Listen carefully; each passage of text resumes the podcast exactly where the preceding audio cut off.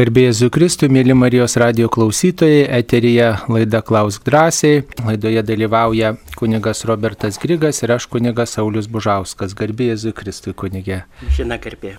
O kol ateis mums žinutės ir kol paskambins kažkas, šiandien norime priminti, mėlyms Marijos radio klausytojams, kad yra Birželio 13 diena ir Birželio 13 ypatinga tuo, kad minimas Šventasis Antanas.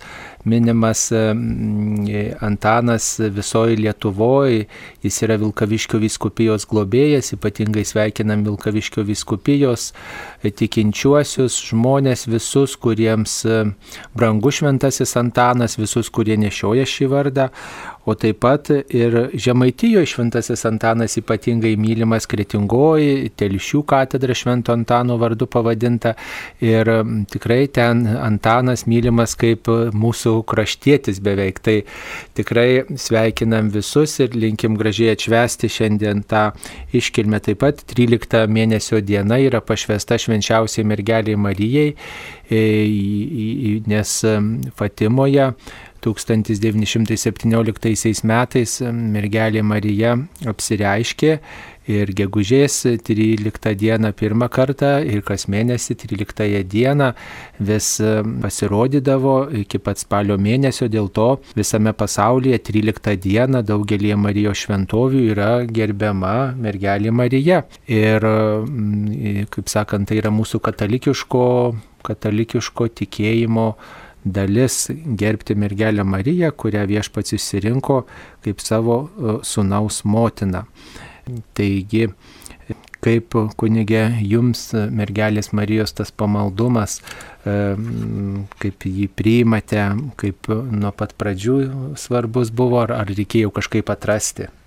Lietuviškoje katalikybėje, jeigu galime tai pavadinti, turbūt labai sava į, kaip mes sakom bažnyčioje, į Kristų, Dievo siūstą į su išganytoje Dievo sūnų, eiti per Mariją pagal tą gražų krikščionišką šūkį į, į Jėzų, į Dievą per Mariją. Tai e, tas pamaldumas formavosi ne vieną šimtmetį, ne, ne veltui mūsų tėvinė vadinama Marijos žeme. Beje, ir, ir broliai Latviai atrodo save taip vadina šitame regione e, krikščionybė prigijo e, skelbiant gerąją, gerąją naujieną, Evangeliją, turbūt e, jau pačioje pradžioje drauge su Jėzaus išganytojo, bet ir, ir su jo motinos pažinimu ir gerbimu ir daugybė tų visuotinės bažnyčios pagarbos formų, kuriomis kreipiamės į Dievo motiną yra labai savos ir, ir Lietuvoje turbūt daugam, daugam nuo vaikystės pažįstamos ir mylimos. Tai ir ir rožino kalbėjimas, ir Marijos litanija gegužės mėnesį pamaldžiai gėdama, daugybė giesmių, kurias ir mūsų e, literatūros e, klasikai, kunigai kaip Maironis ir Baranauskas ir daug kitų ir pasauliečių poetų yra, yra sukūrę tapusių tomis ir tradicinėmis mūsų bažnytinės liturgijos giesmėmis. Ir tas turbūt šiek tiek vėliau, bet labai, labai gyvai įėjęs į mūsų kasdienį pamaldumą kiekvieno mėnesio 13 dienos paminėjimas Marijos garbiai turbūt ta 13 diena dar taip specifiškai suaugusi ir su e, Lietuvos išsivadavimo istorija, nes žinome, kad Marija, kaip bažnyčia yra pripažinusi, apsireiškusi Fatimoje, gegužės 13-ąją. Dėl to ir kiekvieno mėnesio 13 diena katalikų išskiriama e, kvietė taisyti gyvenimą ir įspėjo, kad e, jeigu žmonių gyvenimas ne, ne, nebus atgręžtas, asmeninis visuomeninis gyvenimas į Evangelijos vertybės, tai Rusijoje kilusios klaidos, komunizmo klaidos ir, ir smurtas e, labai sužeis visą pasaulį. Žinome, kad toji, toji žinia, tas įspėjimas įvykęs 1917 metais Portugalijos Fatimo, tai yra prieš tuos visus įvykius. To žinios išsipildymas labai skaudžiai palėtė ir mūsų tėvynę, todėl kai minėdavome, kai ta Fatimos žinia, Marijos apsireiškimas tapo žinomas, dažnai ir mūsų tos savilaidos pogrindžio spaudoje buvo rašoma, platinama, kiek tais laikais mus pasiekdavo žinia apie Marijos žodžius Fatimoje.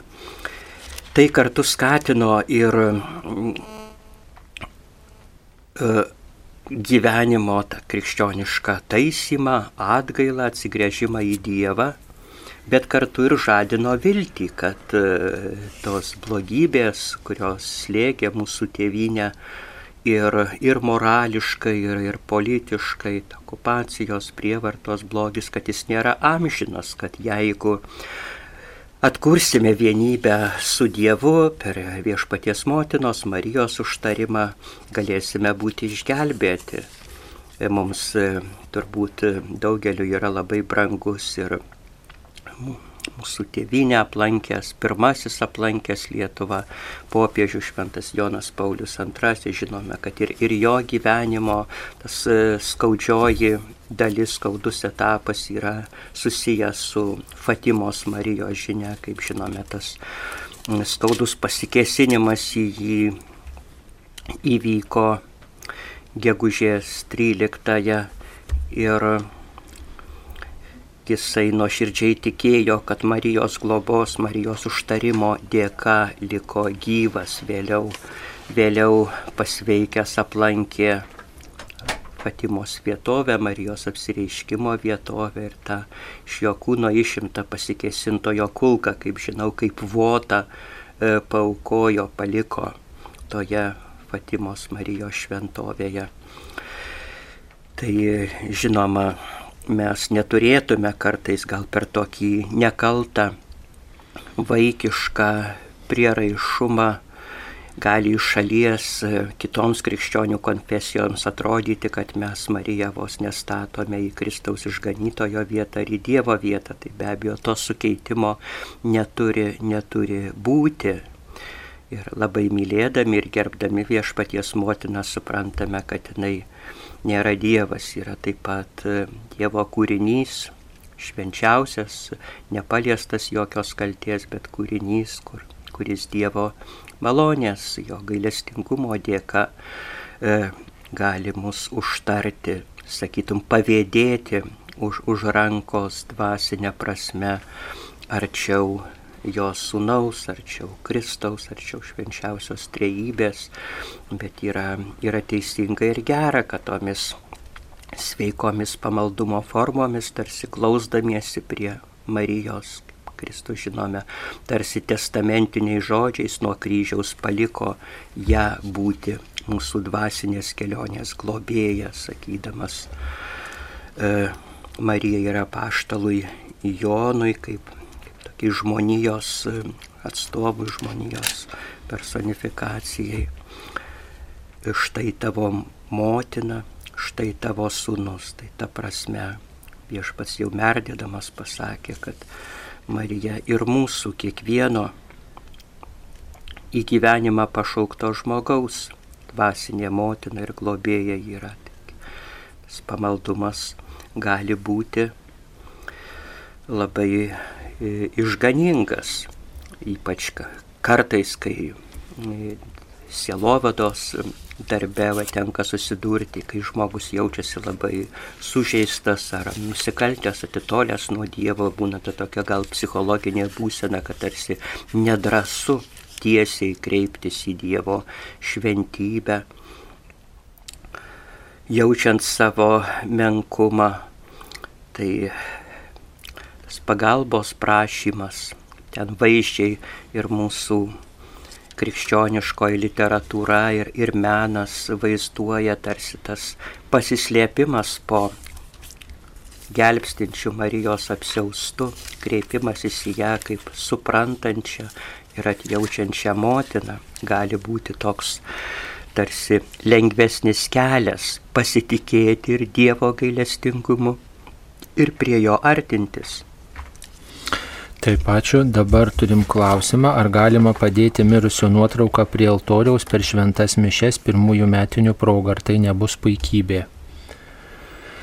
Tai turbūt nereikėtų nuotraukos dėti, e, na taip jau galbūt per mišes gerbiami yra gerbė, garbinamas viešpats ir tada galbūt e, tie žmonės, kurie paskelbti bažnyčio šventaisiais, tai jų atvaizdai bažnyčio yra ir ir, ir tiesiog jie yra gerbiami, e, tiesiog per juos prašom užtarimo. Tas mirusiojo atvaizdo padėjimas, nu truputį toksai gal, na, kryptų bažnyčioje į tokį, žinot, jau tą jau pa, tokį gerbimo, tokį didelio gerbimo kryptį mes bažnyčioje tuos atvaizdus, kuriuos turim gerbiam kaip šventųjų atvaizdus. Tai tas žmogus, tik žmogus mes už jį melžiamės ir, e, na, padedama kartu kartais prie altoriaus, prie, prie, prie karsto, karsto ta nuotrauka, e, jinai nešama prie kryžiaus nuotrauka, ta laidojimo biure būna laidojimo namuose, šarvojimo salėje pakabinta prie durų.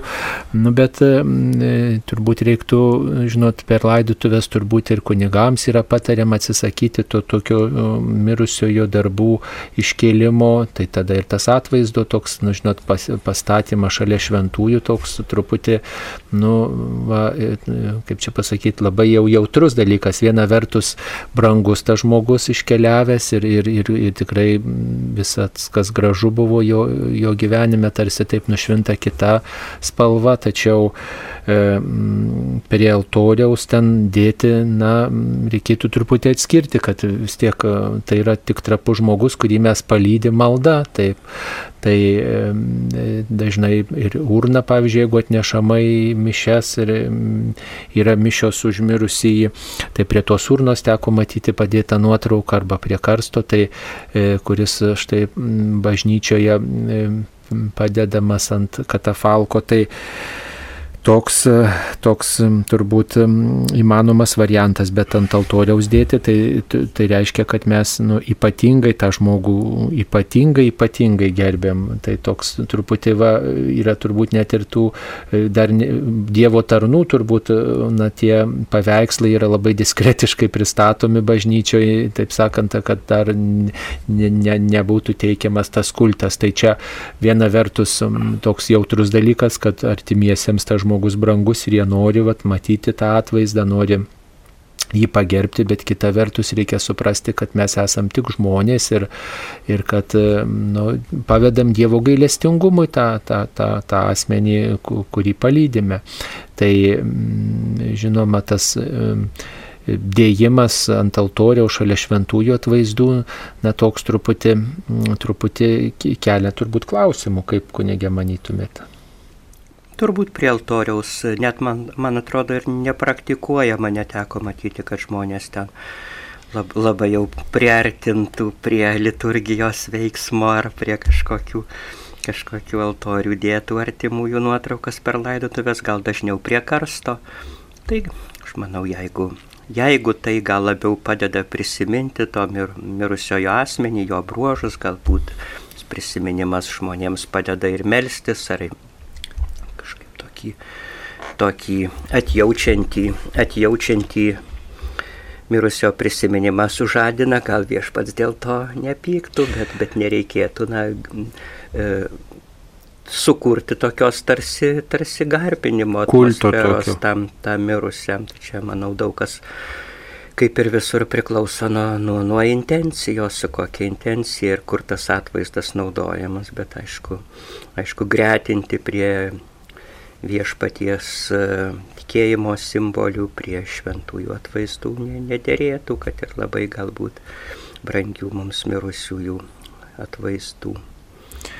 E, dar yra toks paprotys turbūt per laidutuvės štai žiūrėti skaidrės iš mirusiojo gyvenimo. Teko rodyti, rodyti ne bažnyčioje, bet prie šarvojimo, reiškia šarvojimo salė, prie pašarvoto asmens. Tai e, na, tai toks naujas paprotys, kur ateina į, į, į, į tą žmonių gyvenimą. Tai, o paskui, žodžiu, tai jau, kai žmonės nesimeldžia, tai tokiu būdu praleidžia laiką, bet tikintieji nuo senų laikų įpratę turbūt melstis įvairias maldas prie mirusiojo, tokiu būdu prašyti jam tokios paguodos. Ir, ir aišku, taip pat ir savo, savo tikėjimą, krikščionišką tikėjimą stiprinti. Na, va, o tas to, to atvaizdo toks sureikšminimas turbūt irgi na, ir pagarbą rodo, bet kita vertus turbūt mes stengiamės na, pabrėžti to žmogaus na, tokį, tokį vat, gyvenimą galbūt ir tokią pagarbą rodydami, tarsi statom jį tarptų visų na, mm, šventų žmonių. Viena vertus tai tikrai gal žmogus ir, ir šventai gyveno ir gražių dalykų padarė, bet kita vertus reikia nepamiršti, kad mūsų užduotis yra e, ne tik tai gražius prisiminimus puoselėti, bet ypatingai melstis už jį už mūsų santykį, už, galbūt kokios nuoskaudos buvo ar kažkokie sunkumai tam žmogui iškeliaujant, tai tikrai turbūt nepakeičiamas dalykas yra žvilgsnis į kryžių. Ir tikrai kartais tas kryžius tarsi papuošalas būna laidutuvėse šalia tos nuotraukos. Reikėtų galbūt labiau pabrėžti tą tikėjimo matmenį tuo metu, vat, ne tik tai prisiminimus, ne tik tai kaip čia jisai gražus buvo, negražus tas žmogus, kaip čia jis dabar atrodo, ar e, kaip čia jisai, žodžiu, kokius gerus dalykus paliko, tai visa tai yra gražu, bet svarbiausiai malda tuo, tuo, tuo metu reikalinga už iškeliaujantį žmogų. Taigi, turime dar vieną žinutę. Ar galėtumėt papasakoti apie šūkius, kuriuos pasirenka šventinamieji? E, na tai čia turbūt ant primicijų paveikslėlio, kurį užrašo šventinamieji, tai diakonas turbūt pasirenka ir aišku vyskupas taip pat pasirenka tam tikrą, reiškia, šūkį, kuris prie jo herbo siejamas. Tai kaip galėtume paaiškinti, tai pirmiausiai tie žodžiai, tas šūkis e, būna pasirenkamas dažnai šventojo rašto ir tie, tie žodžiai tarsi išreiškia kunigo tarnystės nuostatą, kokios jisai laikosi, kas jam svarbiausia yra, į ką jis atkreipia dėmesį, kokiais žodžiais norėtų palydėti visą savo gyvenimą, visą savo pastoraciją, visus susitikimus su žmonėmis. Pavyzdžiui, kai mane šventino kunigo, aš pasirinkau tokį, tokius žodžius iš švento rašto. Būkite tokio nusistatymo kaip Kristus Jėzus iš laiško filipiečiams. Tai noriu ir aš būti tokio nusistatymo, kokio kokio turėjo Kristus ir to linkiu tiems žmonėms, pas kuriuos einu. O koks jūsų kunigė šūkis buvo, kai tapot kunigu? Kadangi tai buvo tokios gal, gal mm, pasunkintos aplinkybės, aš pogrindyje iš vyskupo Slatkevičiaus gavau šventimus, dar buvo ir tai ir mūsų ir ir tikėjimo, ir, ir tautinė priespauda sovietmečių. Tai prisimenu, kad pasirinkau ant tos primicijų kortelės ištrauką iš apaštalo Pauliaus laiško apie, apie tikinčiųjų persekiojimą, kur Paulius e, guodžia persekiojimus tikinčiuosius viešpaties viltimi, kad jeigu Dievas su mumis, tai kas prieš mus. Ir kiek teko matyti vadiakonų, kunigų, primicijų tų paveikslėlių, dalyjamų tikintiesiems ar viskupų, e, tų šventimų šūkių ant jų pasirinktų šventųjų paveikslėlių, kurie dalyjami kaip toks atminimo ženklas išventę susirinkusiems tikintiesiems. Tai dažnai žmonės na, pasirenka tas eilutės iš švento rašto ar iš kokių nors E, religinių šventųjų tekstų, kurie artimi jų gyvenimui, pagal kuriuos jie galbūt, galbūt norėtų savo kunikišką vyskupiškąją tarnystę toliau formuoti. Mūsų kardinolas Sigitas Tamkevičius, žinau, turi savo vyskupiškam herbetą ištrauką iš psalmės Dominus Illuminacijo me viešpats mano šviesa. Panašiai, panašiai ir kiti renkasi tokias mintis, tokias citatas iš šventųjų tekstų, kurie, matyti, ir artimi jų širdžiai ar jų pasirinktai dvasinio gyvenimo krypčiai, tam, tam, tikri, tam tikriems akcentams, kuriuos galbūt e, e, apmastęs savo gyvenimo, savo tarnystės kelią kunigas norėtų įgyvendinti su Dievo pagalba.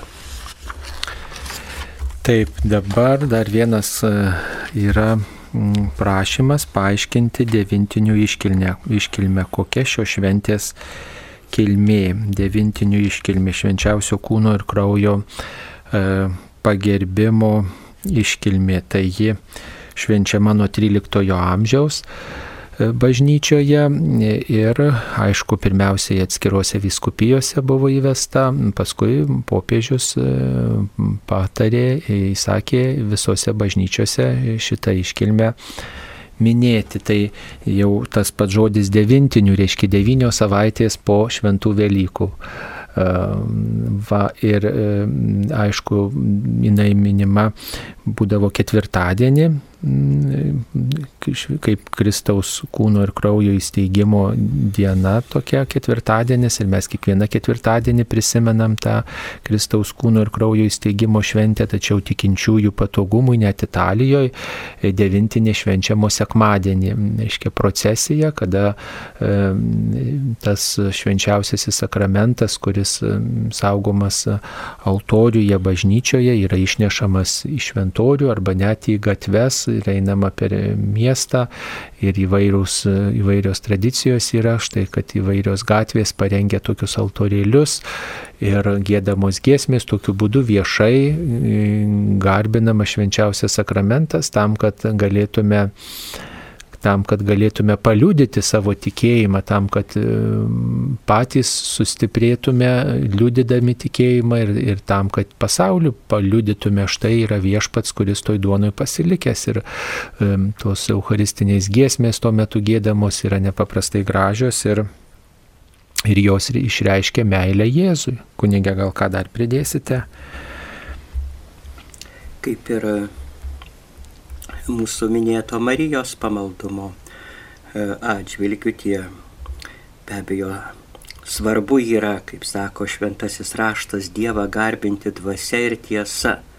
Kristus atsakė klausintiems, kaip ir kur reikia garbinti Dievas. Kai ateis laikas, kada tikrieji garbintojai gerbs viešpatį dvasia ir tiesa. Tai turbūt yra, yra pirmiausia svarbi ta vidinė nuostata, kurią galime įvairiausiam aplinkybėm, net va kaip to.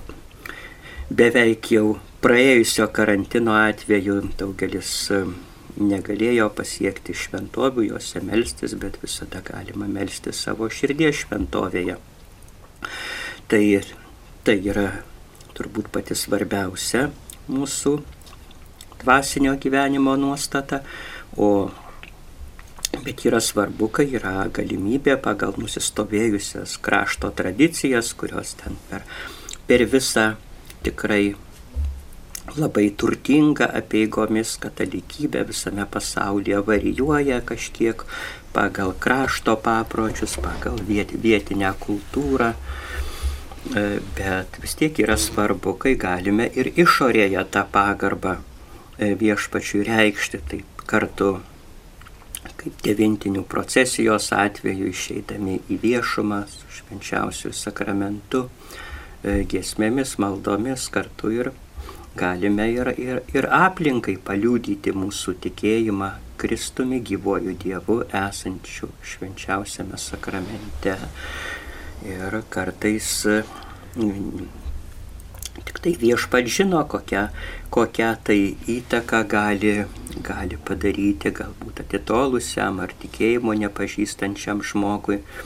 Kartais labai Dievas prakalba ir per tuos tokius mums galbūt įprastus, tokią rutiną tampančius išorinius ženklus, kaip ta devintinių procesija ar kitos pamaldumo praktikos, o e, kitą žmogų, kurio, sakytume, širdies dirba ar vidinis nusiteikimas tuo metu būna, būna paruoštas priimti viešpaties kvietimui. Tam Dievo balsui visada mums tyliai kalbančiam dvasioje, žiūrėk, gali padėti ar ar susidomėti tikėjimu, ar jeigu žmogus ir buvo tikintis, bet e, kažkaip atitolo per tas gyvenimo audras, gali padėti galbūt e, tarsi iš naujo atrasti tikėjimą, sugrįžti. Tai tie išoriniai pagarbos ir pamaldumo ženklai taip pat yra reikalingi. Turėtų turbūt taip e, normaliai lydėti mūsų vidinės nuostatas ar tą tikėjimą, kurį puoselėjame savo dvasioje. E, įdomu, kad e, prie devintinių šventės ištakų yra prisidėjusi tokia sesuo vienuolė, kuri turėjo regėjimus 13 amžiuje, sesuo Julijona ir, žodžiu, apie tuos regėjimus pasakojo nuodėmklausiu tikriausiai ir ir mm, paskui pasakojo seserims ir, ir, ir kitiems žmonėms ir, ir ta žinia apie jos regėjimus na, vat, išplito ir buvo perskaitytas toks ženklas, kad štai reikia daugiau pagarbos parodyti švenčiausiam sakramentui, kuris galbūt yra ir mažai gerbiamas, nemylimas viešpats pasilikė švenčiausiame sakramente. Kitas dalykas, kad E, būdavo daug tokių ir ginčių 13-14 e, amžiuje apie viešpaties buvimą švenčiausiam sakramente, tai tiesiog tam, kad mes pabrėžtume savo tikėjimą šiuo slėpiniu, va, ta šventė na, išpopuliarėjo ir buvo, reiškia, viešai švenčiama. Ir tebėra viešai švenčiama, dažniausiai sekmadienį po švenčiausios trybės sekmadienio arba... Taigi ateinantį sekmadienį rytoj. Taip. Šiais metais. Nors pati šventė nustatyta ketvirtadienį po sėkminių oktavos, tačiau, tačiau patogumų dėlį, kaip sakėme, švenčiama sekmadienį. Tai, tai yra didesnis dėmesys, dėmesys švenčiausiam sakramentui ir tai turbūt yra viena iš iš nedaugelio švenčių, kai minimas ne koks nors įvykis, bet pats liepinys. Na ir įsteigimas, aišku, tas įsteigimo įvykis, bet kartu susikoncentruojama štai, kad viešpats nuolat pasilieka tarp mūsų švenčiausiam sakramente ir kad mes esam kviečiami jį garbinti e, iškilmingai. Ir yra didysis ketvirtadienis, yra devintinis, yra galų gale kiekvienos šventos mišios, kuriuose e, na, iškilmingai pagerbėm viešpatį ir tikime, kad jis ten pasilieka dėl mūsų visų.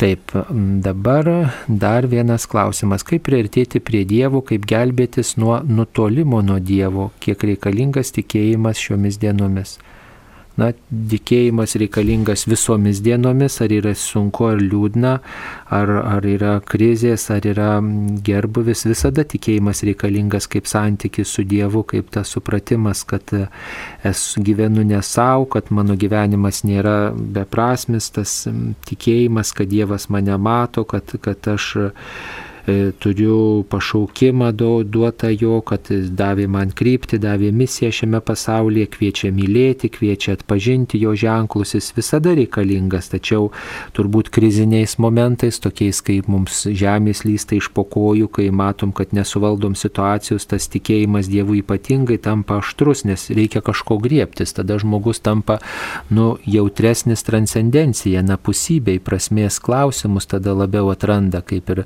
laido laidodama savo artimuosius, kai susirga sunkiom lygom, kai artimieji susirga arba iškeliauja, tuomet žmogus supranta, kad na yra kažkas daugiau, turi kažkas būti, kur tas žmogus dinksta, kas atsitiko, kaip išsigelbėti, tada kelia gilesnius klausimus, ne tik tai apie tą mm, būti, bet ir apie būti.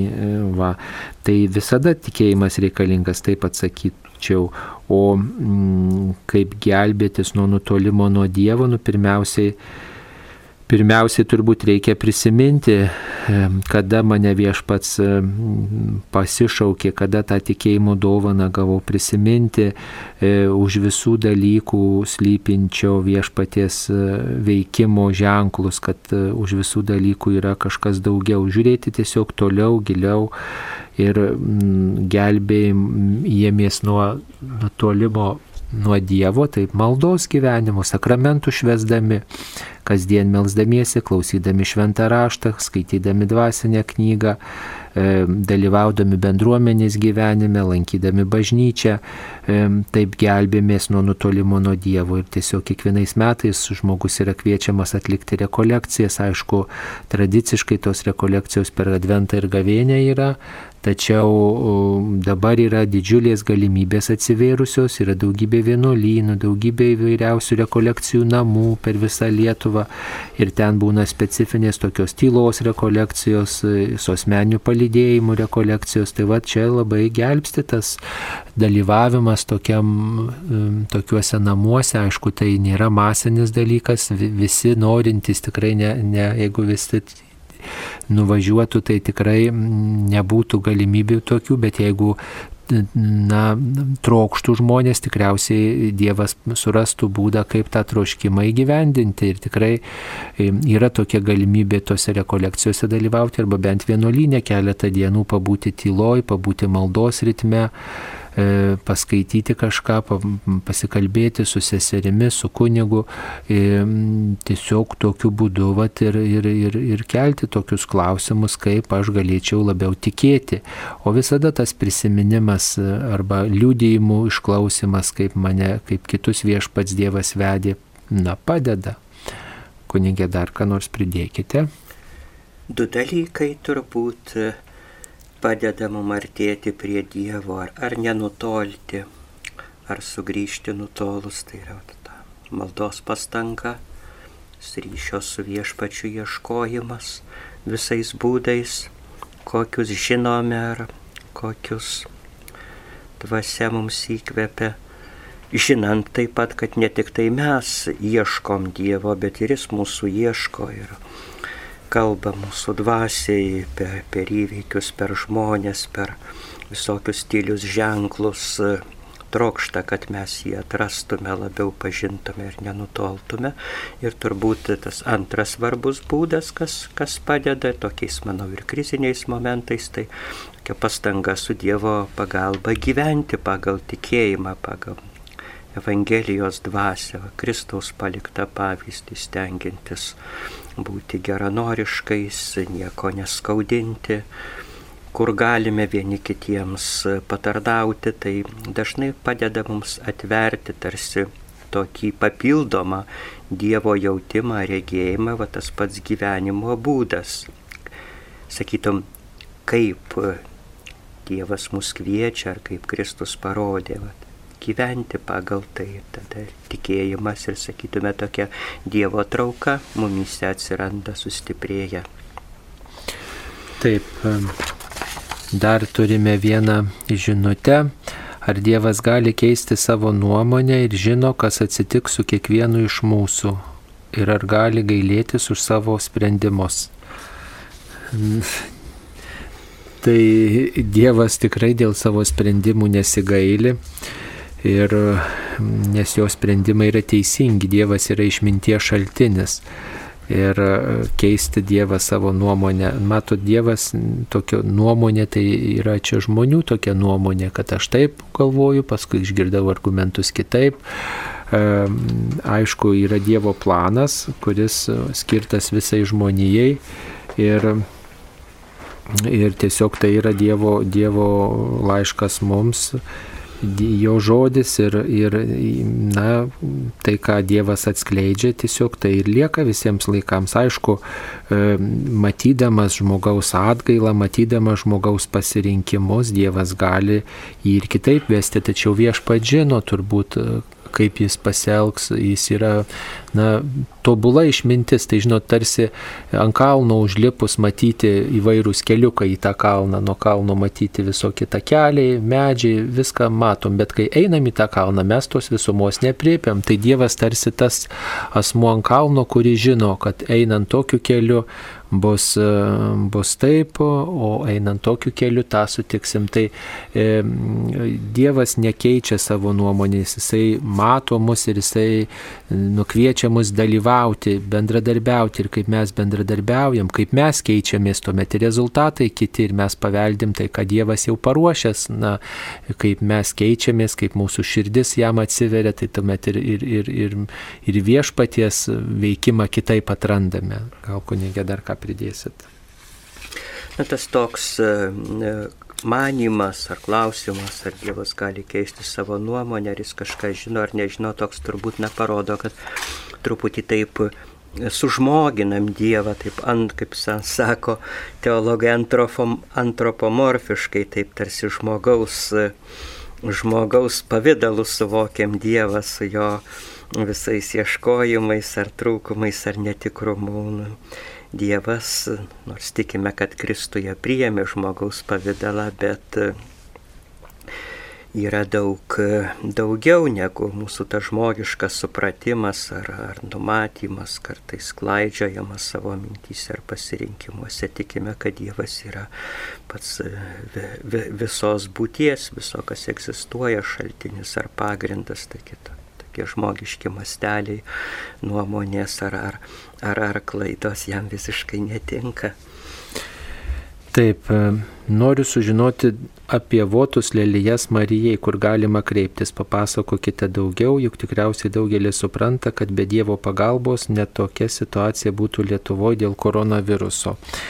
Na, e, čia tikintieji Žemaitijoje priekulėje, kiek teko girdėti, e, nu, švensdami Švento Antano atlaidus, šiandien nutarė e, tiesiog prie Marijos altoriaus tokį votą Marijai prisekti, tai yra padėko ženklą iš gražaus kilnaus metalo, iš aukso, ten su gintaro taip pat papuošimais, e, nukalta lelyje. Ir tai ženklas, kad štai tas koronavirusas praėjo pro Lietuvą, e, galima sakyti, nepadaręs tokio didelio nuostolio ir tikrai išlikome, kituose kraštuose galbūt didesnės yra E, žalos ir tikintieji štai jaučia dėkingumą mergeliai Marijai už jos globą, ypatingą globą, tokiu būdu išreiškia prie paveikslo prisekdami votą. Tai čia sena tradicija, štai dėkingumo ženklą tokį išreikšti. Jeigu kas norėtų e, prisidėti, tai yra kviečiami kreiptis į kunigą Viktorą Ačą, priekulės kleboną ir jisai, žodžiu, ten jau tas votas pagamintas, bet galbūt dar kažkas gamins. Aišku, jeigu jūs norite, e, sakykime, panašų votą pagaminti savoje parapijoje, esat kviečiami kreiptis į savos parapijos kleboną ir tada, na, kalbėtis, kokios čia galimybės yra, nes tam votui, kad tas votas būtų pagamintas, reikia vis dėlto nemažai lėšų ir reikia, taip sakant, nemažai tų, to, tų, tos, tos medžiagos kilnios, ar ne? Tai mm, čia vieno turbūt, arba jeigu gali ir vienas žmogus turbūt tą, tą votą padovanoti, bet e, kiek teko girdėti, štai priekuliai ten daugybė žmonių aukojo auksą, tokiu būdu, na, išreikšdami pagarbą mergeliai Marijai, dėkingumą už jos globą. Na, va, tai kiekvienoj parapijoje, turbūt ypatingai ten, kur yra e, malonėmis garsėjantis paveikslas su aptaisais, tokiais sidabriniais ar pauksuotais aptaisais, reiškia, kad ten žmonės patyrė malonių ir turbūt daugelį parapijų, mėly tikintieji, matėte prie paveikslo ar širdelė prisekta, ar, ar koks kitas ženklas prisektas kaip dėkingumo išraiška už patirtas malonės arba kaip prašymas tų malonių. Tai e, žmonės nuo seno tokiu būdu išreiškė savo pamaldumą ir troškimą atsilyginti. Na tai toks būdas, kuris bažnyčiose yra nuo seno įprastas. Gal dar ką pridėsit, kunigė? Mm. Tai turbūt reikia suprasti, kad tai nėra įprastas bažnyčios ar paveikslo puošimas, bet tie tradiciniai votai pagaminami ir pritvirtinami tuo atveju, jeigu žmogus, na, čia tam nereikia bažnyčios pripažinimo, bet jeigu pats asmuo yra giliai įsitikinęs, kad dėl jo maldos ar užtarimo prašymo sulaukia ypatingo išklausimo, ypatingos malonės, sakykime, ten pasveiko iš nepagydoma pripažintos lygos ar kokią dvasinę malonę ten artimųjų tokį labai stiprų e, atsivertimą, pasi, pasikeitimą į gerą, melstamasis patyrė, na, kažkokį tokį ypatingą Dievo gerumo ženklą. Tai yra Dievo, tai tokių dalykų ar įvykių išraiška yra, yra nuo seno ne kažkas tokio, kad va, turiu lėšų, tai padariau gražų papuošaliuką ir, ir priseksime, bet tai turėtų, būtų, turėtų liūdyti mūsų tokią gilę, stiprią dvasinę Dievo pagalbos patirtį tie ženklai. Taip, dabar apie švento rašto keitimą.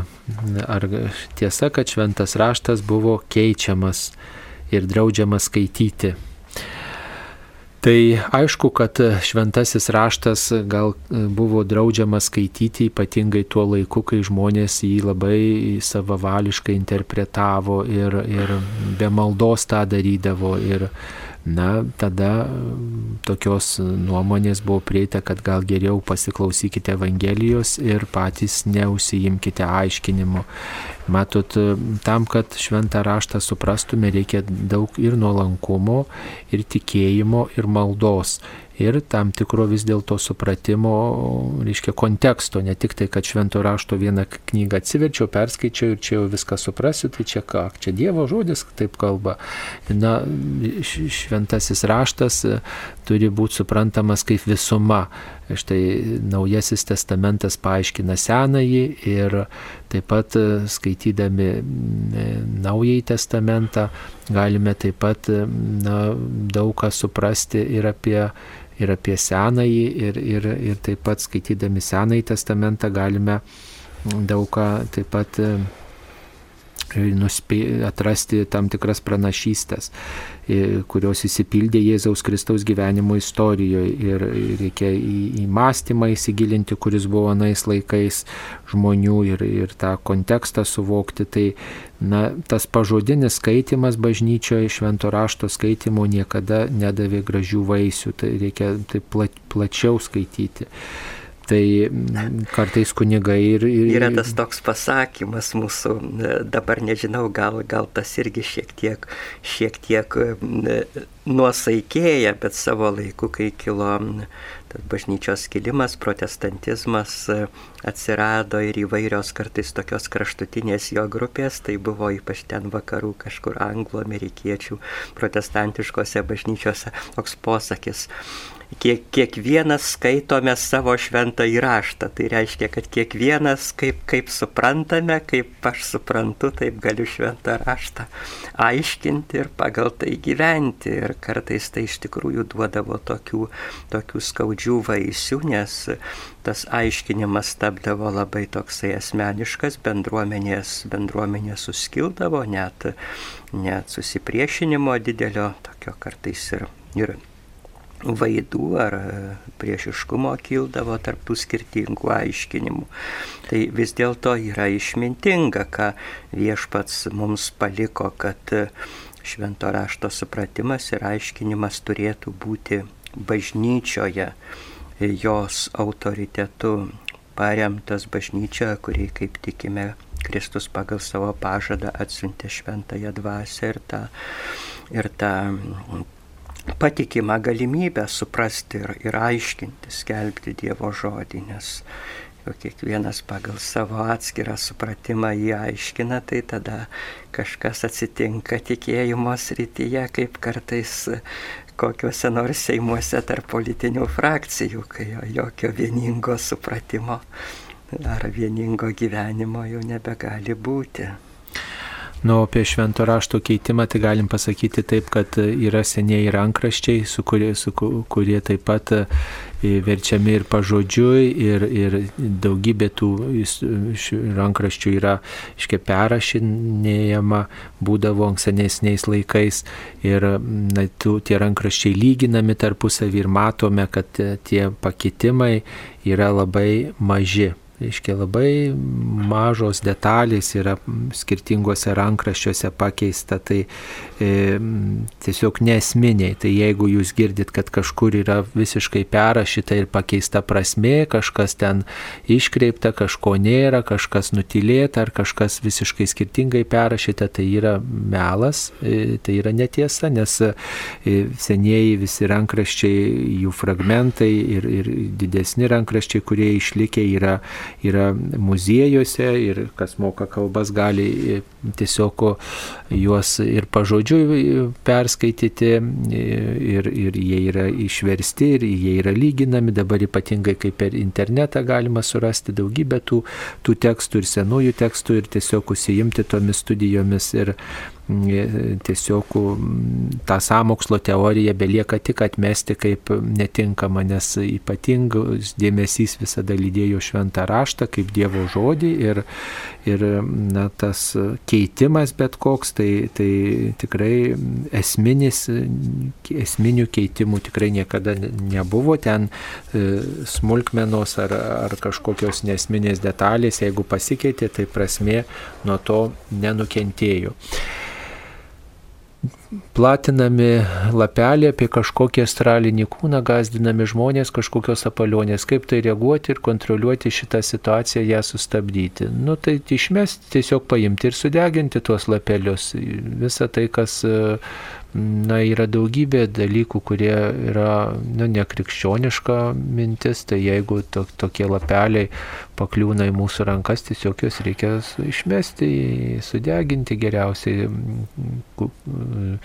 tą medžiagą, kuri, na, mūsų tikėjimui jinai nepriimtina. Jeigu jums kažkas įbruko ar, ar kažkas padavė, matot, kad netinkama, jau patys suprantat, kad sapalionės ar nesąmonės, tai ir taip tos informacijos daug, tai tokie dalykai, kurie klaidinantis, mes juos tiesiog, na, nesaugome jų. Ar netiesa, kunigė? Tikriausiai yra tūkstantis ir vienas mokymų apie astralinius ir kitokius kosminius kūnus ir turbūt žmogaus gyvenimo neužtektų visą, visą permastyti ar tenai gilintis, tikrinti. Tai vis tiek turime Dievo pažadą, kad tiesos, tiesos pilnatvė yra Kristaus mokyme, bažnyčioje ir niekada nepralaimėsime, jeigu taip ne, nesiblaškydami į tuos, na, kur kartais ir žmogaus veikas protas patirtis parodo, kad yra labai nepatikimi dalykai, jeigu per daug į juos nesigilindami sutelksime dėmesį į gilesnį e, Kristaus asmens, jo, jo mokymo Evangelijos tiesos pažinimą ir pagal tai gyvensime, nes kaip esu, esu minėjęs, dažnai va, tas tikėjimo aiškumas ar tikrumas mums nušvinta ne vien tik tai per tokį teorinį proto ieškojimą, bet ir per pastangas gyventi Evangelijos dvasia, jos vertybėmis. Tada atsiranda, sakytume, toks ir praktinis tikėjimo pažinimas ir supratimas. Čia žmogus rašo, kad perėjo per kapines ir matė daug brangių paminklų ir antkapių su įvairiais piešiniais, o ką tai reiškia mirusiems ar palengvina jų amžiną į gyvenimą. Nu tai aišku, kad nepalengvina tie piešiniai, jeigu jie yra krikščioniško turinio, jie e, skirti gyviesiems, kad stiprintų tikėjimą, kad išreikštų krikščionišką tikėjimą. Mirusiajam palengvina amžiną gyvenimą malda. Malda e, ryšys mūsų su Dievu kaip solidarumo ženklas.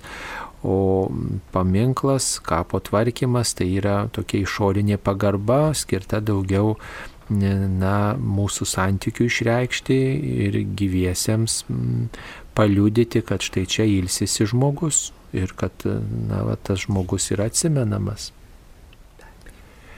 Ir mums paskambino. Marija iš Šilutės rajono. Taip, Marija, klauskite. Gerbėjai Jėzui Kristui. Per amžius.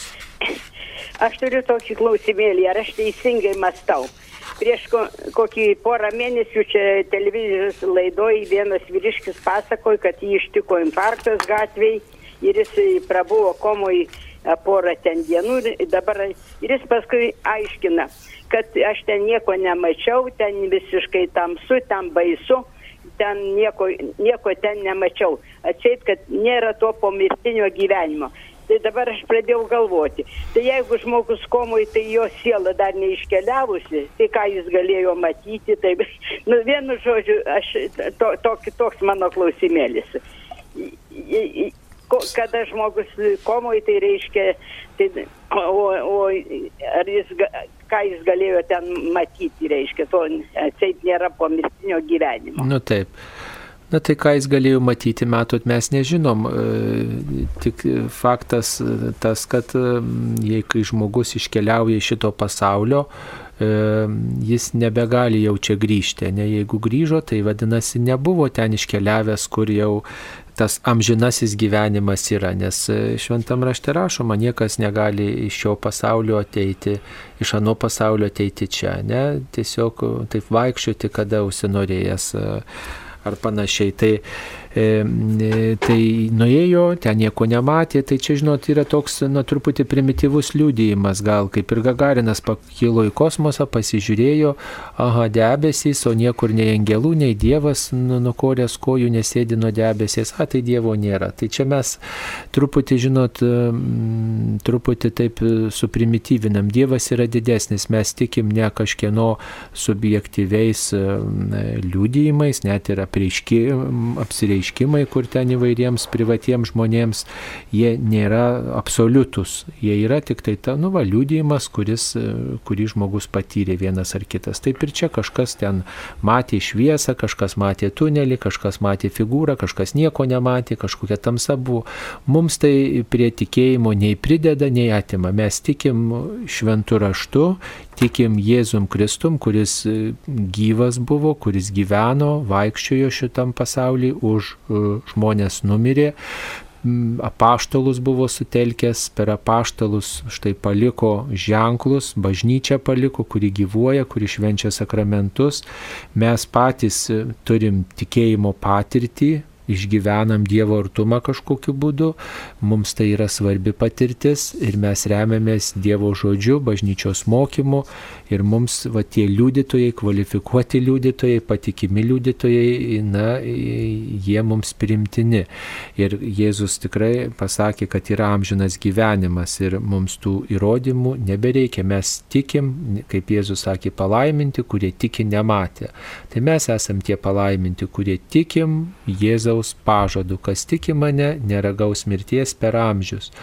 Va, mes tikim ir net jeigu ir paragauja mirtie, žinom, kad ji mūsų na, nesutraiško, mūsų ne, nesunaikina, kad mumyse yra kažkas daugiau, yra siela dvasinė, kurią mums viešpats yra davęs ir mes štai turėdami nemirtingą sielą ir savo gyvenimą e, jungdami pagal nemirtingumo principą, reiškia gyvendami taip, kaip viešpats moko, amžinas Dievas moko, E, savo gyvenime taikydami štai jo žodį, jo įsakymus, mes mes, taip sakant, tikimės e, stoti viešpaties akivaizdu ir gyventi amžinai, o kad kažkas buvo tamsoj, tai vadinasi, gali jis netikinti žmogus. Čia, žinot, daugybė dalykų gali būti. Čia, čia jis, jis tiesiog, jo sąmonė buvo nutrūkusi, medicininos reiktų klausti, kas įvyksta tada, kai žmogus komoje. Na, tiesiog dar žmogus nebuvo miręs, taip galėtume sakyti, e,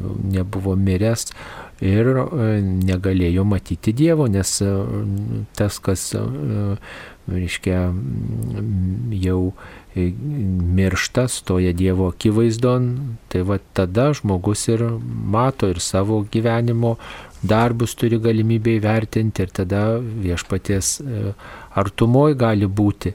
Va, o jeigu žmogus tik pakeliui, tai labai sunku pasakyti, matot, kuriam ten etape buvo faktas tas, kad dar žmogus nebuvo miręs. Ir bet koks toks liūdėjimas, jisai na, yra subjektivus, suprantat, labai subjektivus. Yra knygų parašyta apie tai, apie tą klinikinę mirtį ir apie tą buvimą komui, kaip ten šviesą žmogus matė ir panašiai, kitas nematė nieko. Nu va ir ką dabar vieno liūdėjimas, kito liūdėjimas ir mes tada labai pasiklystame. Tokie liūdėjimai yra subjektyvūs. Vieni gali kalbėti už gyvenimą anapus, kiti gali sakyti, ten tik tamsa nieko nebuvo. Bet mes ne tais liūdėjimais remiamės, remiamės Dievu, Dievo asmeniu. Kaip kunigė jūs manot? Taip. Negalima pasitikėti žmonių tokiais labai, labai asmeniškais e, išgyvenimais, todėl kad priklauso nuo, nuo daugelio tokių individualių, individualių savybių ir, ir būsenų.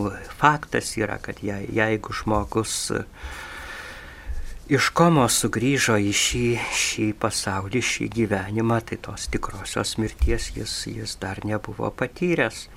Aišku, kartais gali paguosti ar sustiprinti žmonių tikėjimą tie liūdėjimai, kai kurių sugrįžusių iš tos tokios trapios būsenos tarp, tarp gyvenimo ir mirties, iš komos, kurie paliūdėja kažkokius šviesius dvasinius išgyvenimus, bet, bet tai nėra mūsų, mūsų tikėjimo pagrindas, kaip sakytume, kažkokios kitos asmeninės patirtys, apsireiškimai, Dievo regėjimai, vizijos, kurios kartais tikintieji patiria ir kunigams liūdėja, jie gali būti kartais gražus, tokie asmeniškai tą žmogų palaikantis, bet vis tiek ne jais remiamės savo tikėjimą, remiamės e, Kristaus e, liūdėjimu, jo mokymu, jo prisikėlimu ir jo veikimu gyvenimu.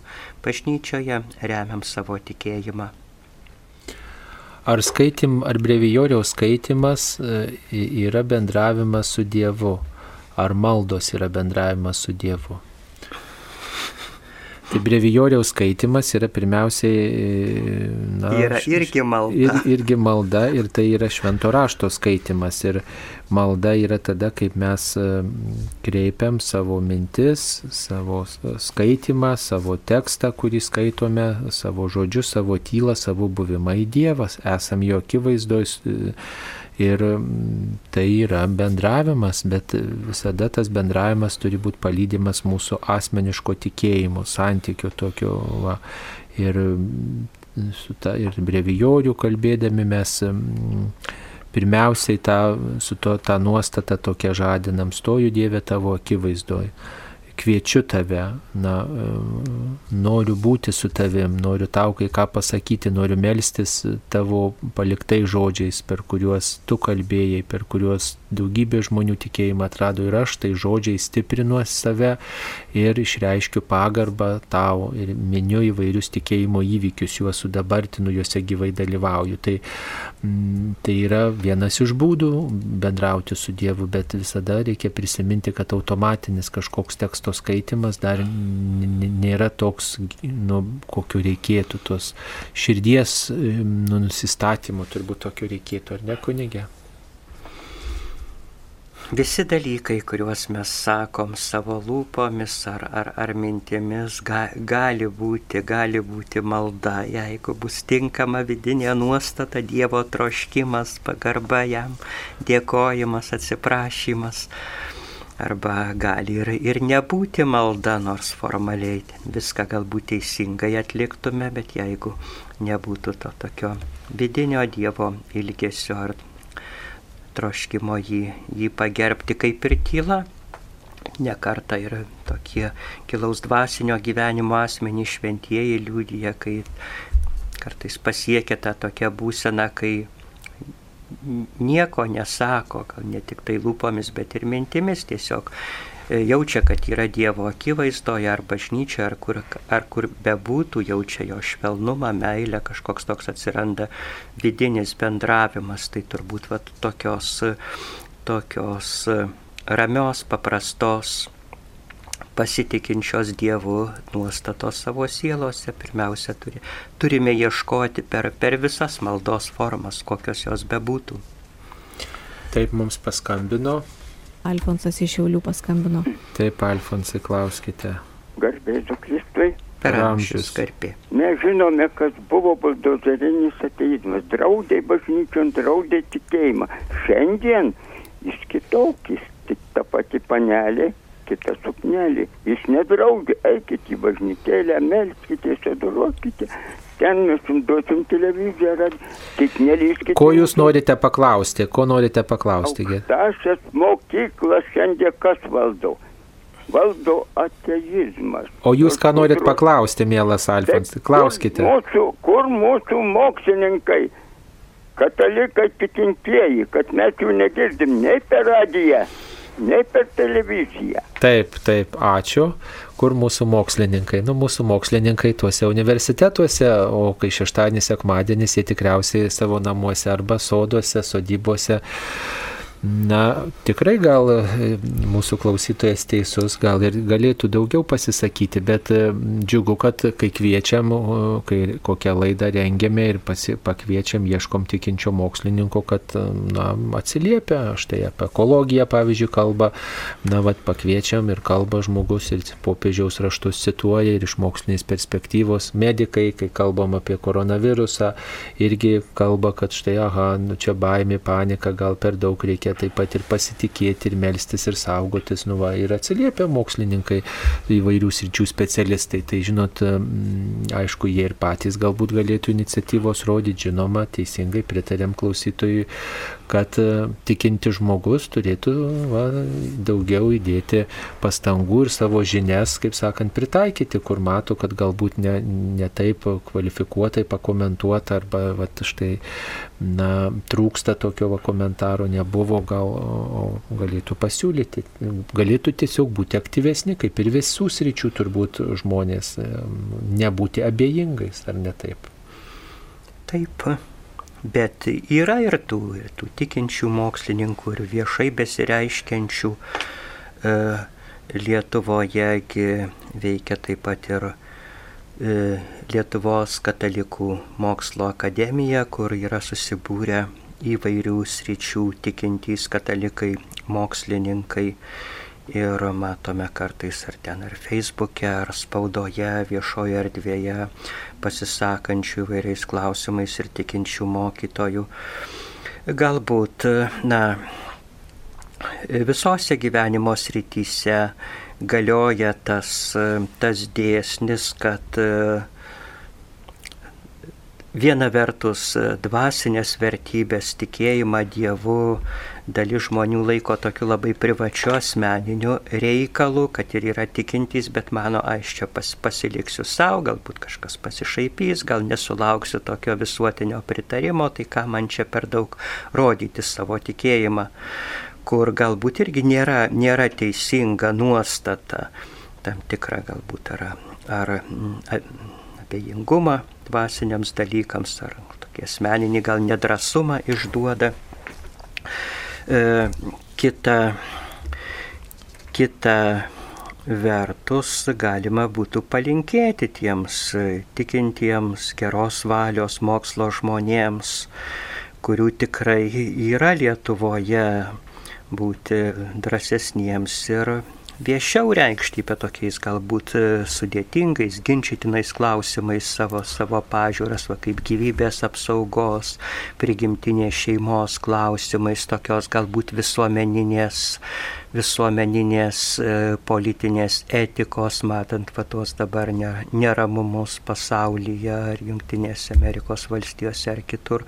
Tas viešai girdimas e, kompetitingų, išsilavinusių žmonių balsas galėtų daugą, daugą kreipti kreipti gėrio linksme, linkme, nes vis tiek tie vadinamieji paprasti žmonės nėra visų dalykų e, žinovai, taip turbūt žmogiška ieškoti labiau patyrusių autoritetų kiekvienoje srityje ir jais remtis, tai jeigu būtų labiau girdimas tų e, tikinčių mokslininkų balsas viešumoje, manau, galėtų, galėtų žmonių tokiam ir gyvenimo ir, ir tikėjimo supratimui labai pasitarnauti. Tai čia ko gero mūsų klausytojas yra, yra teisus, kad galėtume ir pakviesti ir palinkėti mūsų tikintiesiems tautiečiams dirbantiems įvairiose mokslo srityse daugiau tokios drąsos ar daugiau,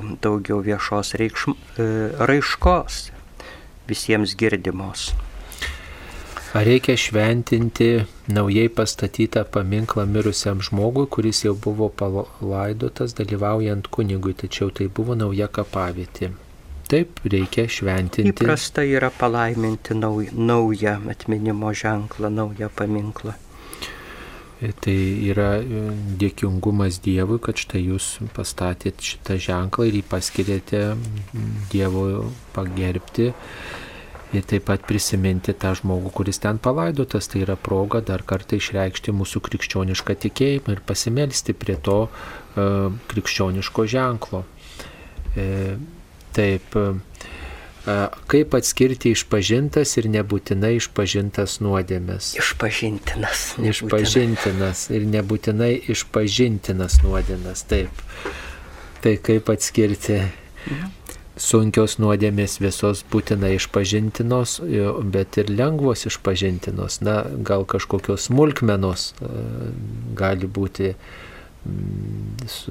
smulkmenos kažkaip nu, ne, ne, neišreikštos ar ne, bet esminius dalykus reikėtų pasakyti.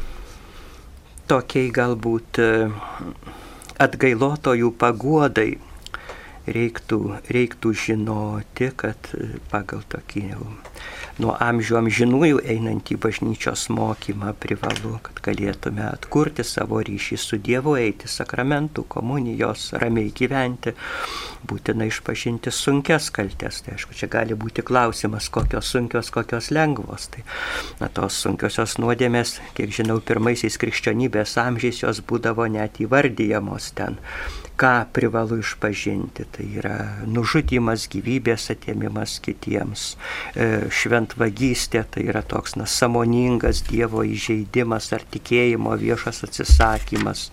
E, santokos e, ištikimybės laužimas ir dar keletas tokių, kur tiesiog buvo nurodyta krikščionims, kad privalu jas išpažinti, apgailėti ir pataisyti.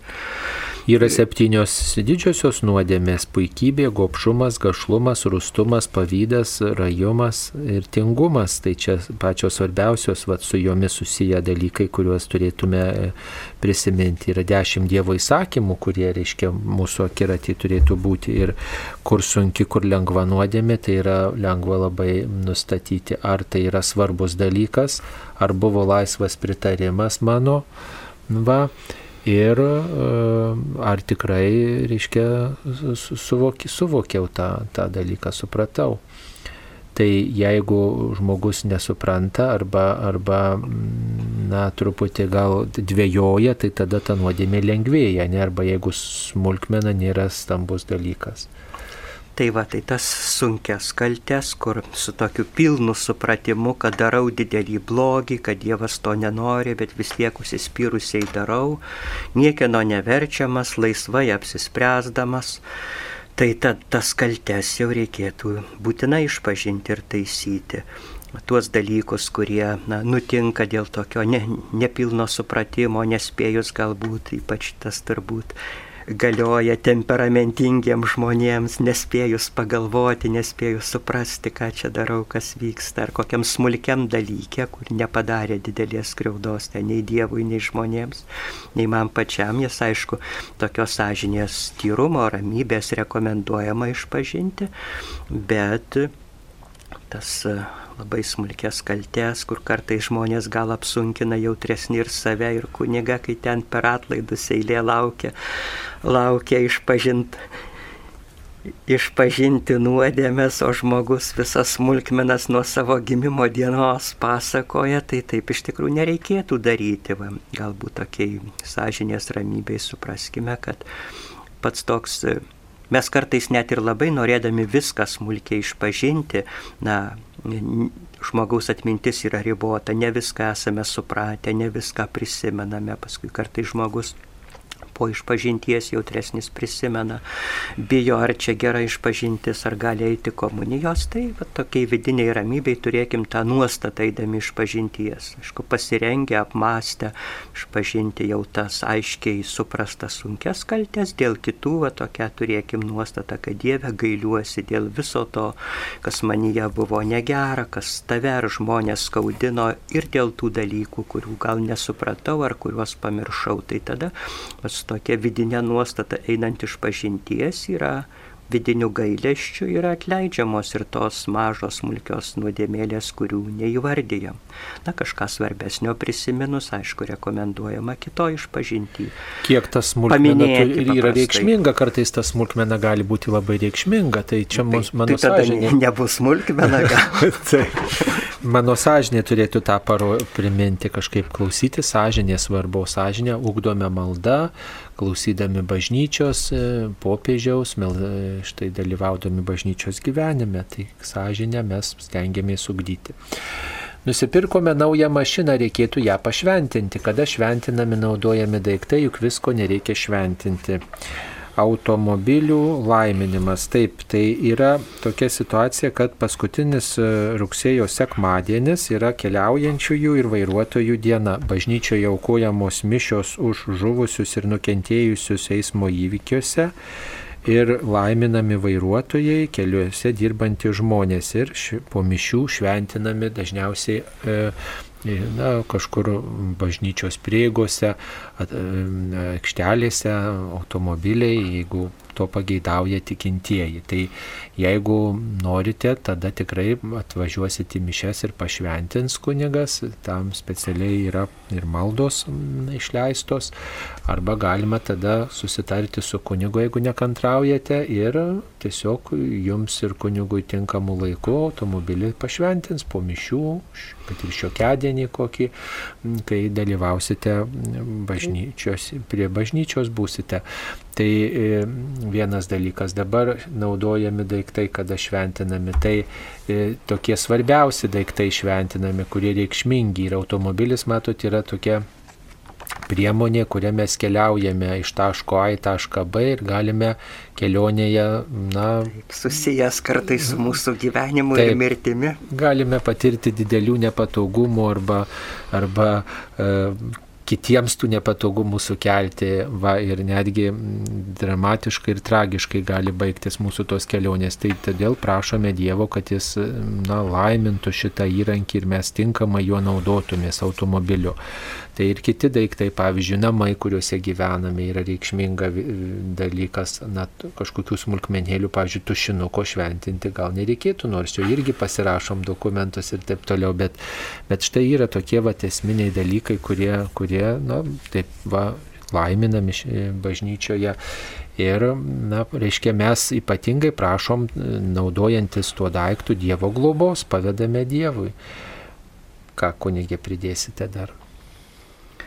Įprastai šventinami dalykai, kurie na, kažkaip labai svarbiai saitai susiję su mūsų, kaip minėjau, gyvenimo su mūsų pareigų atlikimu, mūsų tarpusavio santykiais. Aišku, ne, neįprasta, nepraktikuojama šventinti ten kokius nors, sakykime, ten stalo įrankius ar būties smulkmenas, bet va, mašina, kur iš tikrųjų mūsų technologinės visuomenės gyvenimo sąlygom praeina daug gyvenimo ir susijęs tas vairavimas kartais su, su pavojumi sveikatai gyvybė arba namai, kur vyksta šeimos gyvenimas, kurie tarsi, sakykime, ap, apgaubia šitą mūsų žemišką būtį arba, žinome, laiminami santuokiniai žiedai, kadangi jie simboliškai išreiškia vyro ir moters sutuoktinių tarpusavio ryšį. Žodžiu, tie dalykai, kuriems prašome ypatingos Dievo globos, palaimos, apsaugos, kurie vienai ar kitaip taip labai svarbiai įtakoja mūsų gyvenimą ir pareigų atlikimą, mūsų pašaukimą. Taip, mums paskambino Reda iš Vokietijos. Reda, klauskite. Garbėjas Kristus. Per amžius. Per amžius garbė. Dukra pasidarė tatiruotę. Visada aš jai draudžiau ją daryti. Visada draudžiau. Kadangi esu Vokietijoje mergaitė, kaip sakyt, nu, augia be motinos. Labai išgyvenu dėl tų tatiruočių mergaitės. Kunigė, prašau paaiškinkit, ką jūs reiškia ir ar jas panaikinus vyksta kažkas į gerąją pusę, labai jaudinuosi. Ačiū už atsakymą. Taip, ačiū Jums. Nu, tos, tas įprotis dabar galima sakyti, gal tapo tokia tos viešosios kultūros dalimi ir tikrai manau, kad tai yra toks apgailėtinas reiškinys kuris, na, rodo, kad tokios subkultūros vadinamos, kur anksčiau buvo, na, praktikuojama tokių galbūt visuomenės užrybė esančių grupių, tenai kalinių, nusikaltėlių išreiškia ten priklausomybę kokiai nors e, kinų ar japonų mafijos grupiai, dabar tampa tarsi tokiu, na, e, mados ar, ar jaunimo tokio šaunumo ar kai kas galbūt supranta tokių estetiko ženklų, kad taip tarsi, na, papu, papuošia ne savo kūną ar neįsiskiria iš kitų. E, kiek žinau, šventajame rašte, Sename testamente, tai taip ir formaliai buvo draudžiama daryti visokius, na, ženklus ant savo kūno, gal tada turėjo kitokią reikšmę, ten visokį įsipareigojimą kažkokiems stabams bet e, tas draudimas švento rašto išrinktai tautai tarsi norėjo pasakyti, kad žmogaus kūnas, jo prigimtis Dievo yra sukurta tobula, šventa ir nieko prie jo nereikia pridėti ar jokiais ženklais savęs žymėti. Tai čia, manau, kartais gal ir tų tokių, sako, pasaulio maišymosi, to multikulturalizmo įtakoje dažnai perimamos kitų neuropietiškų va, tų kultūrų patirtys savo kūną visokiais raštais, mėginant kabutėse papuošti, bet e, kiek čia yra, na, sakykime, žmogaus kalties ar kažkokio, kažkokio pavojaus dvasiai, tai ko gero tai priklauso nuo, na, irgi nuo žmogaus intencijos, nuo supratimo. Jeigu tuo, tuo ženklu kaž, e, kažkaip ten tie įrašai visokie daromi svetimom kalbom, jeigu žmogus, na, samoningai kažkokį dvasinį ryšį, nežinia su kokiom jėgom bando tuo išreikšti, ir samoningai tai supranta, tai aišku gali būti toks, na, kenkiantis dvasiniam gyvenimui dalykas. Jeigu to tokio pilno supratimo nėra, gal ir kažką kvailo ar neteisingo ten ant savęs, na, nupiešus ar įrašius, gal, galbūt viešpats dėl to, kaip, kaip mes sakom apie sunkę nuodėmę, kai nėra pilno tokio blogio supratimo, tai ir tos sunkios nuodėmės kartais nėra gal, nu, tokia, na, apgailėtina, neišmintingumo, tokio jauna jaunatviško žioplumo išraiška. Bet to skatinti, skatinti nereikėtų. Ten aišku, jaunam žmogui paaugliškom nuostatom turbūt neuždrausi daryti tai, kas jam susirodo, bet išlaikant tokį tėvišką, motinišką ryšį, e, nuoširdžiai bendraujant, ko gero, nu, gera būtų atkreipti dėmesį, kad, kad neverta taip, nes tas ir fiziškai, net ir sveikatai, tas savo odo žalojimas, kaip žinome, kenkia reiktų taip gal švelniai pamokyti, kad nederėtų šito daryti, kad esame gražūs ir vertingi tokie, kokie Dievo sukurti be jokių priedų.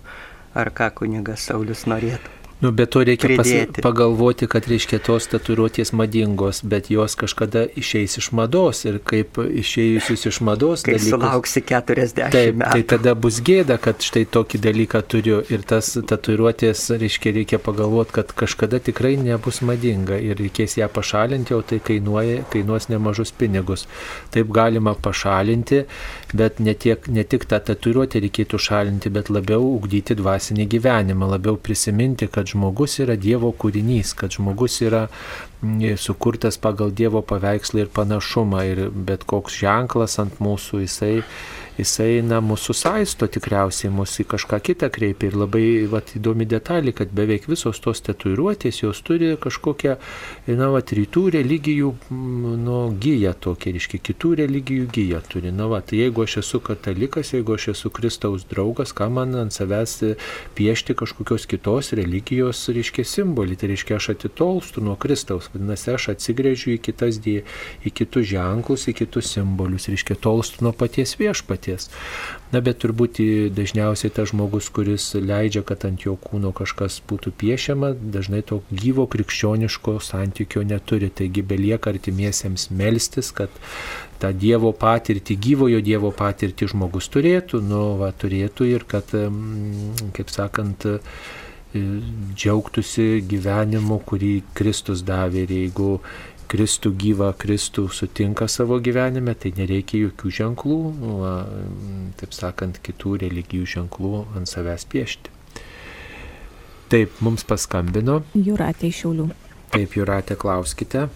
Garbėzui Kristui. Per amžius. Per amžius garbė. Aš norėčiau užduoti klausimą kunigui Robertui. Sakykit, ką reiškia vaikui škapleris, tiesiog einant vat, prie pirmos komunijos ir kaip jį toliau, vat, tiesiog prie pirmos komunijos priejus, tu jį turi, bet po to, vat, kokią reikšmę, ką, ką, ką turėtų vaikas su juo daryti, ar, ar jis turėtų nešioti ir iš vis kaip jisai dedamas, nes vienur vienaip girdėjau, sako, kad per petį, kiti tiesiog vieną pusę prieki, kitą gale. Ir, ir pagrindinė prasme ir reikšmė iš kaplerius. Ačiū. Tie škapleriai yra, yra toks senas pamaldumo Marijai išraiškos ženklas, atėjęs, jeigu gerai prisimenu ir įsitvirtinęs bendrai katalikybėje per karmelitų vienuolyje. Jis dažniausiai būna tokios rudos medžiagos gabalėlis, kuris toks tarsi na sumažintas karmeličių, ypač praktikuojančių pamaldumą Marijai, to tokio rudo abito ženklas yra ir tas jo nešiojimas išreiškia, ypač va, buvo įsitvirtino ta praktika, kad suteikiamas ruošiantis vaikams pirmai komunijai jisai išreiškia tokį Marijos globos užtarimo prašymą, troškimą, yra jungiama su tam tikromis maldomis. Nėra nustatyta nešiojimo formos, kai kas nešioja ant kaklo, kaip medaliuką ar kryželį, kai kas ten gali įsisiūti į, į drabužius buvo tas toks gražus paprotys irgi kviečiant ir pasitikint Marijos užtarimu anksčiau, kai motinos išleisdavo vaikus, sūnus, dukras į kokią tolimą kelionę, į svetimą kraštą. E, žinome, kad mūsų partizanai amžina atilsi jiems žuvusiems dažnai nešiodavo va to škaplerius ir kaip tokio Marijos užtarimo prašymo ir tokio galbūt ryšio su savo e, tėviške, su tėvų namais ženklą. Yra toks niekad ne, nepamirštu. Labai gražus mūsų to poeto klasiko Jono Aiščio eilėraštis apie e, emigrantą vaiką išlydimą iš tėviškės, kaip jis tenai rašė, atmenu aš kartą, o seniai jau buvo, kai vyriausias brolis ėjo iš namų, kai mama šilainę škaplerin jam siuvo, kai jinai įguodė žodžiu neramiu ten. Argi daug šilainės škaplėrin paimsi, argi ten už marių bus tau jos gana. Tai buvo tas paprotys iš kaplėrį tą e, rudą medžiagos gabalėlį mūsų dvasinį gyvenimą. Marijos užtarimo prašymą, ženklinant įsiūti kartais ir tėviškė žemės, o tokio tarsi ryšio su, su tėvų namais, su savo tėvynė, kad prisiminimas būtų išlaikytas. Žodžiu, tai tokia yra, yra plati, graži, daug simbolikos turinti tikėjimo tradicija. Kunigė Sauliu, ar dar ką pridėsit?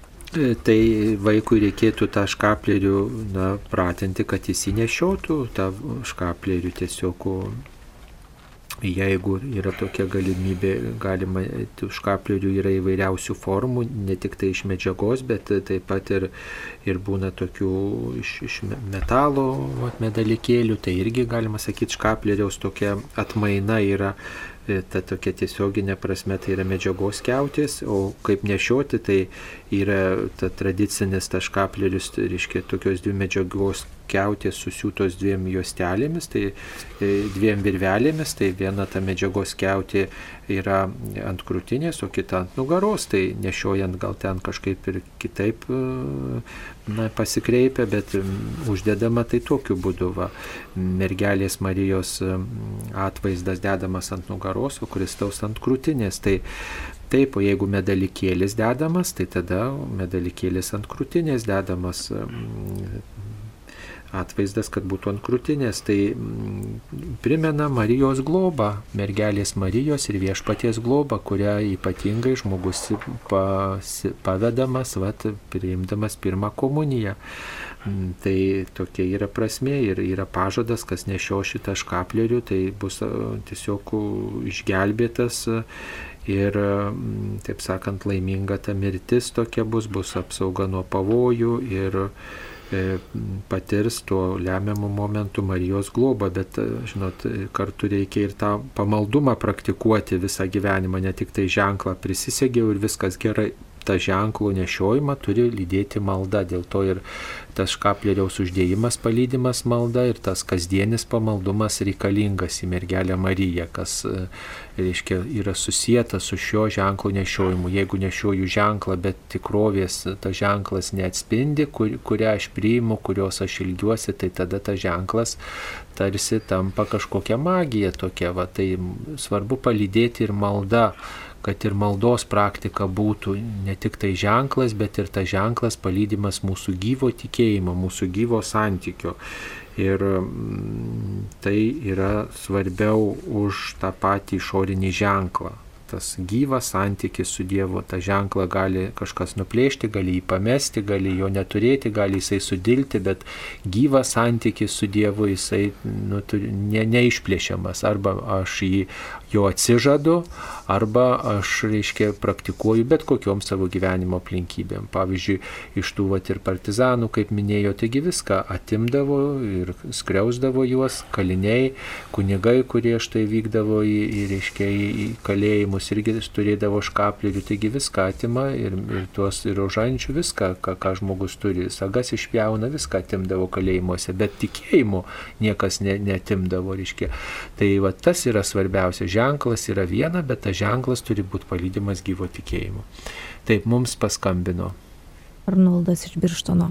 Taip, Arnoldai, klauskite. Per amžius. Sakykit, prašau, dabar mane kaip ir užvedė ant minties prieš tai moteriškė skambinus iš Vokietijos berots, minėjo, kad jos dukra atitinkamų ženklus ant kūno ir jūs paminėjote, kad Dievo kūno yra dvasios buveinė ir nedėra, kaip sakant, ženklinti mūsų įvairiais simboliais, o mes, kaip sakant, dabar tam simbolių pasaulyje kaip tik ir gyvename, juos išpažįstame ir elgiamės pagal simbolius. Aplamai visuotinio nudvasinimo laikų, kaip sakant, senųjų simbolių arba kryžiaus ženklo mus verčia atsisakyti, o vietoj to pakaitalai eina. Ką aš noriu paklausti, esmė glūdi tame, kad, kaip visi puikiai žinome, pastarosiamis dienomis daug šnekama. Negaliu tvirtinti, ar tai yra, kaip sakant, dabar, nu, tas žodis populiarus, bet man jis nepriimtinas sąmokslo teorija. Numatoma, vadinasi, čipuot žmonės, prievarta. Jeigu ta mergina pasidarė tatuiruotę laisva valia ir galima tai pripažinti, kad tai yra jaunystės paklydiškumas, sakykime, tai nėra labai gili nuodėmė ir neištaisoma, nes yra iš esmės neįsisaminta. Tai vadinasi, dabar mums bandoma prievartos kelių primesti tai ir ne vienam, ir ne kitam, bet, sakykime, masiškai, o ženklas ne bet koks yra, šventos rašto parašyta 666 ir kas to ženklo nenešios, tas negalės nei pirkti, nei parduoti, vienu žodžiu, mums sukuriama savotiška, nesavotiška, bet iš dvasinės į fizinę vergyją modelis. Ir tai aiškiai matosi, mes puikiai matome per kultūrą, per, kaip sakant, per elementarų būtinį gyvenimą. Patarkit, prašau, kuniga, kaip nesižadėti švento kryžiaus ženklo ir nepriimti iš satanistų primetamo šito simbolio, 666 arba šetono ženklo. Kaip mums atsižadėti šetono, krikšto keliu buvo klausima, ar tu atsižadė šetono ir už, nu, reiškia, krikšto namąją tėvai atsakydavo, taip atsižadu, aš atsižadėjau šetono. Ką sakykim man ir kitiem tokiem kaip man ir jum daryti, kad juo atsižadėti ir neprileisti prie kitų. Ačiū, laukiu atsakymą. Taip, ačiū Jums. Nu, va, greitą kalbę čia mums papasakojate. E, nu, matot, e, turbūt yra čia keli dalykai. Jeigu, pavyzdžiui, mes sąmoningai šitą ženklą priimame, tai yra viena. Reiškia, jeigu sąmoningai priimam va ženklą, kuris yra antikristo ženklas, ne? Ir mes apsisprendžiam už tai, kad aš tokį ženklą noriu, va, kad ant mano kūno būtų, ne? Ir aš pritariu tam. Tai yra vienas dalykas, tai reiškia nusigrėžimas nuo Kristaus. Jeigu tai kažkokia apgaulė, na, kažkokia va, samokslo teorijos visokios čia sklando viską, kad vis tiek kažkaip, va, mus čia kažkaip, va, kažkas, kažkoks ženklas bus daromas, čia dėl sveikatos, dėl dar kažko, va, būtina tą ženklą priimti ir tada va, ten bus kažkas dar ir įdedama, kas, kas prieštarautų mūsų krikščioniškam tikėjimui. Savotiškai tai mes tada būtume nu, apgauti, savo, mes sąmoningai už tą ženklą neapsisprendžiame, tai tada ir mūsų ta atsakomybė kitokia yra. Bet e, tai taip sakyčiau, svarbiausia, kad mes sąmoningai bet kokio antikrikščioniško ženklo ant savo kūno neleistume padėti. Va.